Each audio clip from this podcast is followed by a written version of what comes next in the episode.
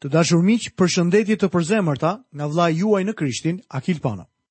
Ju uroj mirëseardhje në emisionin e sotëm dhe ju kujtoj që sot do të vazhdojmë studimin tonë në kapitullin e 22 të librit të Jozueut. Tema që do të shqyrtojmë në këtë kapitull janë këto. Dy fiset dhe gjysma e fisit të Manasit dërgohen në shtëpi. Ata ndërtojnë një altar dëshmie. Ashtu siç e pamë, dy fiset dhe gjysma e fisit të Manasit nuk e morën trashëgimninë e tyre në vendin e premtuar si fiset e tjera. Ata mbetën në anën lindore të lumit Jordan. Ata mund të kishin trashëgimninë që donin nëse do të kishin dërguar ushtritë e tyre në vend për të ndihmuar në marrjen e tij. Ata e bënë këtë, por pasi fituan betejën, ishin të lirë për t'u kthyer në shtëpi. Lexojmë nga vargu i parë deri në vargun e tretë. Pastaj Jozueu thirri Rubenitët, Gaditët dhe gjysmën e fisit të Manasit dhe u tha: Ju keni zbatuar të gjitha ato që Mojsiu, shërbëtori i Zotit, ju kishte urdhëruar dhe jeni bindur zërit tim lidhur me ato që ju kam porositur. Ju nuk keni braktisur vëllezërit tuaj gjatë kësaj kohe të gjatë, deri më sot, Dhe keni zbatuar urdhrat që Zoti Perëndia juaj ju ka porositur. Para se këto fise të largoheshin, Jozueu i thërret dhe i lavdëron për punën e mirë që kishin bërë. Ai u thotë se kishin bërë një punë të mirë, duke ndihmuar vëllezërit e tyre. Pastaj u jep një paralajmërim. Do të lexojmë nga vargu i 5. Vetëm kini kujdes të zbatoni urdhërimet dhe ligjin që Mojsiu shërbëtori i Zotit ju ka dhënë, duke e dashur Zotin Perëndinë tuaj, duke ecur në të gjitha rrugët e tij, duke zbatuar të gjitha urdhërimet e tij, duke qëndruar sa më afër tij dhe duke i shërbyer me gjithë zemër dhe me gjithë shpirt. Këto fise u paralajmëruan se edhe pse kishin zgjedhur të banonin në anën e gabuar të Jordanit, duhet të ndiqnin Ligjin e Mojsiut. Pas paralajmërimeve të Jozueut për detyrën e tyre, ai i bekoi dhe i lejoi të iknin. Lexojmë vargun e gjashtë. Pastaj Jozueu i bekoi dhe u dha urdhër të largohen dhe ata u kthyen në çadrat e tyre. Dy fiset dhe gjysma e fisit të Manasit u kthyen në shtëpi. Lexojmë nga vargu i dhjetë i kapitullit të njëzet e dy. Pasi arritën në brigjet e Jordanit, që ndodhet në vendin e Kananit, bijtë e Rubenit, bijtë e Gadit dhe gjysma e fisit të Manasit ndërtuan një altar pranë Jordanit, një altar me pamje të madhërishme. Me sa duket ata e ndërtuan këtë altar në anën perëndimore të lumit Jordan. Ai ishte një altar me një pamje të madhërishme. Kjo ishte një shprehje e çuditshme. Në fakt do të thotë që prej aty mund të shihej në një distancë të largët. Ishte një strukturë madhështore. Studiuesit biblikë kërkuan për rrënojat e këtij altari në anën lindore të Jordanit. Por më në fund, një arkeolog i zbuloi në anën perëndimore të tij ku gjenden edhe sot në një vend të dukshëm. Ata e ndërtuan këtë altar për t'i kujtuar për diçka. Kur bijtë e tjerë të Izraelit dëgjuan se çfarë kishin bërë, u zemëruan dhe u mblodhën në Shilo. Lexojmë nga vargu i 12. Kur bijtë e Izraelit e mësuan këtë gjë, tërë asambleja e bijve të Izraelit u mblodh në Shilo për të bërë luftë kundër tyre. Bijtë e Izraelit besuan se këto fise ndërtuan një altar për të ofruar sakrifica. Ata menduan se ishte një përpjekje për të ndarë kombin. Lexojmë më poshtë nga vargjet 16 dhe 17. Kështu thotë tërë asambleja e Zotit. Ç'është kjo shkelje që keni kryer kundër Perëndisë së Izraelit, duke mos e ndjekur më sot Zotin, duke ndërtuar një altar për të ngritur krye sot kundër Zotit? Mos qe vallë gjë e vogël paudhësia e Peorit, nga e cila nuk jemi larë ende deri më sot dhe që solli një fatkeqësi mbi asamblenë e Zotit? Bijtë e Izraelit akuzuan fiset që jetonin në anën lindore të Jordanit për ndërtimin e një altari për Balin. Ata kujtuan kohën kur Balami bëri që Izraeli të mëkatonte duke i joshur të martoheshin me gratë moabite dhe të kryenin tradhti shpirtërore. Në atë kohë Zoti i gjykoi ashpër dhe ata kishin frikë se mos kjo gjë ndodhte përsëri. Gjithsesi dy fiset dhe gjysma e fisit të Manasit dhanë një shpjegim të mirë për atë çfarë bënë. Lexojmë nga vargjet 21 deri 23. Atëherë bijtë e Rubenit, bijtë e Gadit dhe gjysma e fisit të Manasit u përgjigjën dhe u thanë krerëve të ndarjeve të Izraelit. Zoti Perëndia i Perëndive, ai e di, bile edhe Izraeli do ta mësojë, Në qoftë se e bëmë për rebelim ose për mos besnikëri ndaj Zotit, mos na kurseni në këtë ditë. Në rast se kemi ndërtuar një altar për të mos e ndjekur më Zotin ose për të ofruar mbi të holokauste ose blatime ushqimore ose për të bërë mbi të flijime falenderimi, le të na kërkojë llogari vetë Zoti. Ata nuk kishin ndërtuar një altar për të ofruar sakrifica. Altari ishte thjesht për t'i kujtuar që i përkisnin ende kombit të Izraelit. Ndoshta mund të ketë qenë një model i zmadhuar i altarit të sakrificave që gjendej në tabernakull, por nuk kishte si qëllim sakrificën. Lexojmë vargun e 24. Por në të vërtetë e bëmë këtë me frikë për një arsye, duke menduar që në të ardhmen pasardhësit tuaj mund t'u thonë pasardhësve tanë. Çfarë ju lidh me Zotin, Perëndinë e Izraelit? Dy fiset dhe gjysma e fisit të Manasit ishin të sinqertë në atë çfarë ato kishin bërë, dhe nëntë fiset dhe gjysma tjetër e pranuan shpjegimin e tyre. Lexojmë poshtë nga vargu i 31. Atëherë Finehasi, bir i priftit Eleazar, u tha bijve të Rubenit, të Gadit dhe të Manasit. Sot pranojmë që Zoti është midis nesh, sepse ju nuk keni kryer këtë shkelje ndaj Zotit. Kështu i keni shpëtuar bijtë e Izraelit nga dora e Zotit. Bijtë e Izraelit e kuptuan se ishin nxituar në akuzën ndaj dy fiseve e gjysëm. Ata më sjellin ndërmend disa prej nesh që ndonjëherë janë disi të nxituar. themi dhe bëjmë gjëra që nuk duhet t'i themi apo bëjmë dhe jemi të sinqertë në mendimin që po mbrojmë fjalën e Zotit, kur në të vërtetë nuk është kështu. Bijtë e Izraelit gabuan duke u ngritur kundra vëllezërve të tyre me mendime të ashpra. Lexojmë vargun e 34. Dhe bijtë e Rubenit dhe të Gadit e quajtën dëshmitar këtë altar sepse thanë: Ai është dëshmitar midis nesh që Zoti është Perëndia. Në sipërfaqe ndërtimi i këtij altari tingëllon si një ide e mirë dhe shumë komentues kanë vendosur vulën e tyre të aprovimit mbi të. Gjithsesi, le të hedhim më shumë se një vështrim të përciptë mbi këtë altar të quajtur Dëshmitari. Në tabernakull ndodhej altari prej tunxhi për sakrificat. Nuk duhej të kishte asnjë tjetër si ai. Ligji i Përtërirë dymbëdhjetë, njëzet e shtatë, thotë, Dhe do të ofrosh holokaustet e tua të plota, mishin dhe gjakun mbi altarin e Zotit, Perëndisë tënd. Gjaku i flijimeve të tua përkundrazi do të shpërndahet mbi altarin e Zotit, Perëndisë tënd, dhe ti do të hash mishin e tyre. Izraelit i ishte thënë të shkatërronte të gjithë altarët e tjerë. Eksodi 34:13 thotë: Por rrëzo altarët e tyre, copëto shtyllat e tyre të shenjta dhe rrëzo shëmbëlltyrat e tyre. Duhet të kishte vetëm një përjashtim tek Ligji i Përtërirë, ku Izraelit iu tha të merrte dymbëdhjetë gurë nga lumi Jordan dhe t'i vendoste si një përkujtimore. Dy fiset e gjysëm nuk e kaluan kurrë Jordanin dhe lumi i ndante nga vëllezërit e tyre. Altari pranonte ndarjen e tyre. Ky altar ishte treguesi se ishin të ndarë. Më vonë ai përgatiti rrugën për ndarjen. Edhe tani Izraeli është i ndarë në lindje dhe në perëndim. Në këtë pikë, nëntë fise e gjysmë janë kundra dy fiseve e gjysmë.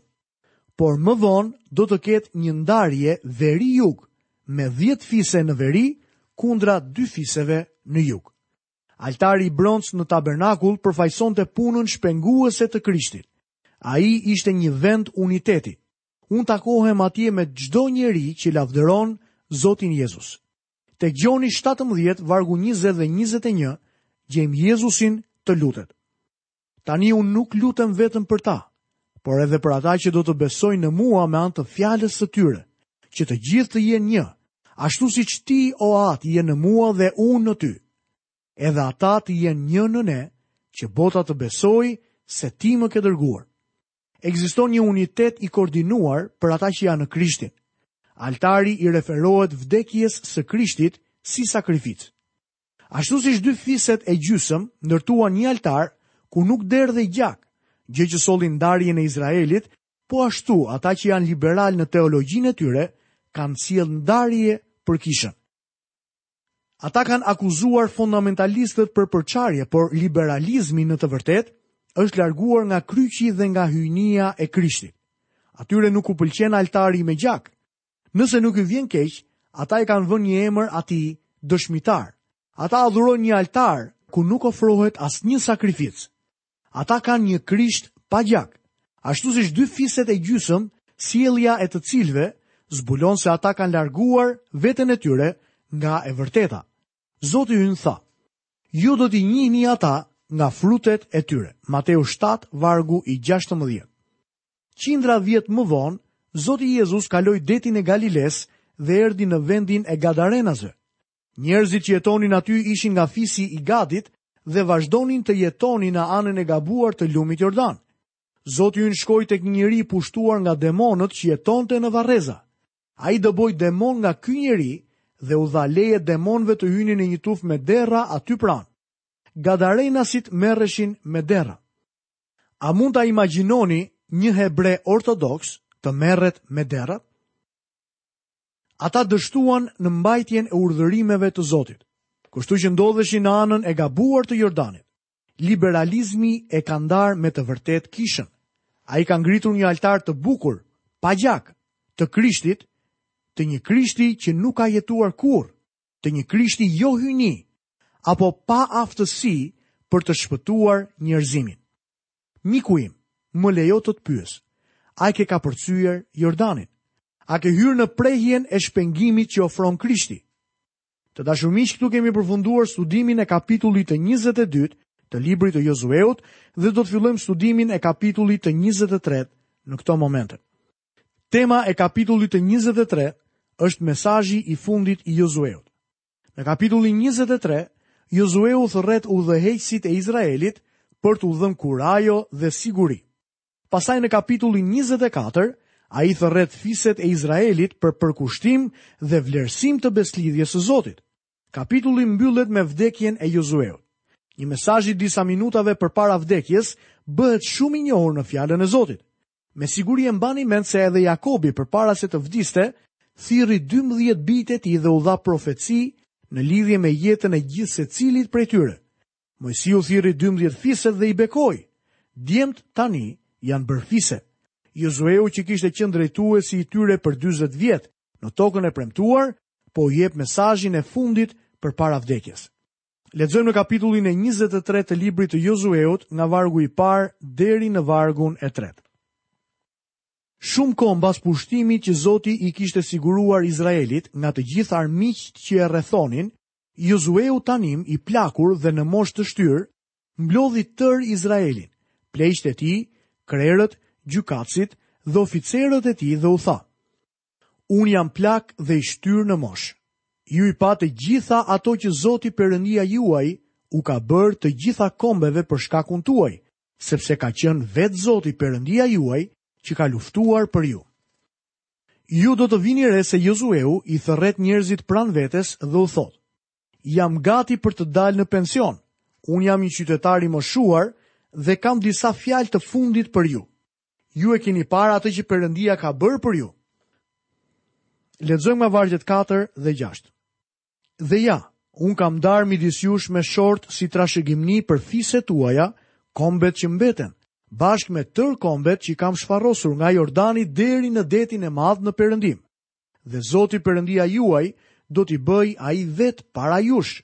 Kështu ju do të shtini në dorë vendin e tyre, ashtu siç iu ka premtuar Zoti Perëndia juaj. Jini pra shumë të vendosur në zbatimin dhe në vënien në praktikë të ligjit të Moisiut, pa u shmangur as djathtas, as majtas. Shohim që Jozueu po i thërret ata për të bërë atë që u kishte thënë Moisiu. Lexojmë vargjet 7 dhe 8.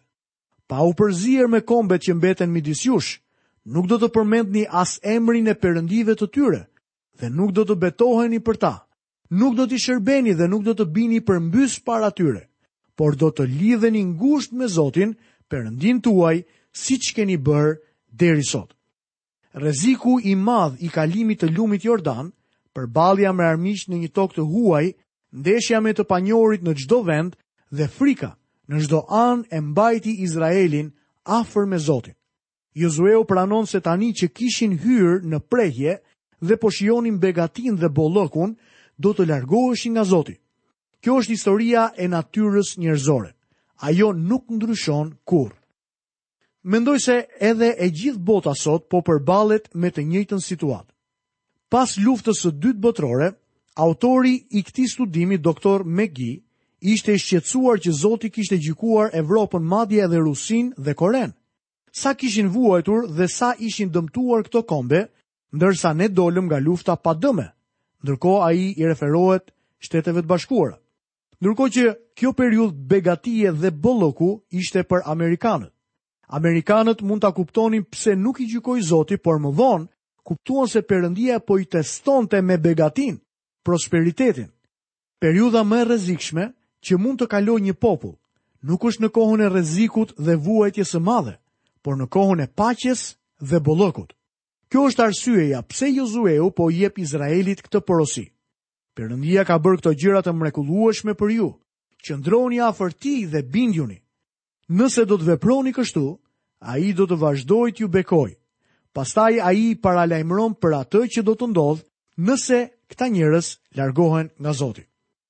Lexojmë tek libri i Jozueut në kapitullin e 23 nga vargu i 11 deri në vargun e 16. Tregoni pra kujdes të madh për shpirtrat tuaj, për ta dashur Zotin Perëndinë tuaj, por në rast se i shmangeni dhe bashkoheni me mbeturinat e këtyre kombeve, që kanë mbetur midis jush dhe bashkoheni me anë martesash me ta dhe përziheni me ta dhe ata me ju, dijeni me siguri që Zoti Perëndia juaj nuk ka për të vazhduar t'i dëbojë këto kombe para jush, por ata do të bëhen për ju një kurth Një kamzhik në ijët tuaja dhe hala në sytë tuaj, derisa ju të zhdukeni nga ky vend i mirë që Zoti Perëndia juaj jua ka dhënë. Dhe ka për të ndodhur që ashtu siç për të gjitha gjërat e mira që Zoti Perëndia juaj ju kishte premtuar, ju kanë dalë, kështu Zoti do të sjellë mbi ju tërë fatkeqësitë, derisa t'ju zhdukë nga ky vend i mirë që Perëndia juaj, Zoti ju ka dhënë. Në rast se shkelni besëlidhjen që Zoti Perëndia juaj ju ka urdhëruar dhe shkoni t'u shërbeni perëndive të tjera dhe bini përmbys para tyre, atëherë zemërimi i Zotit do të ndizet kundër jush dhe ju do të zhdukeni shpejt nga vendi i mirë që Ai ju ka dhënë. Kjo është më tepër një profeci sesa një paralajmërim. Ashtu siç e dimë, kjo profeci është tashmë një histori. Të dashur miq, këtu kemi mbërritur dhe në fundin e emisionit të sotëm. Nga vëllai juaj në Krishtin Akil Pano, paçi të gjitha bekimet e Perëndisë dhe paqen e tij në jetën tuaj. Bashkë mirudëgjofshim në emisionin e ardhshëm.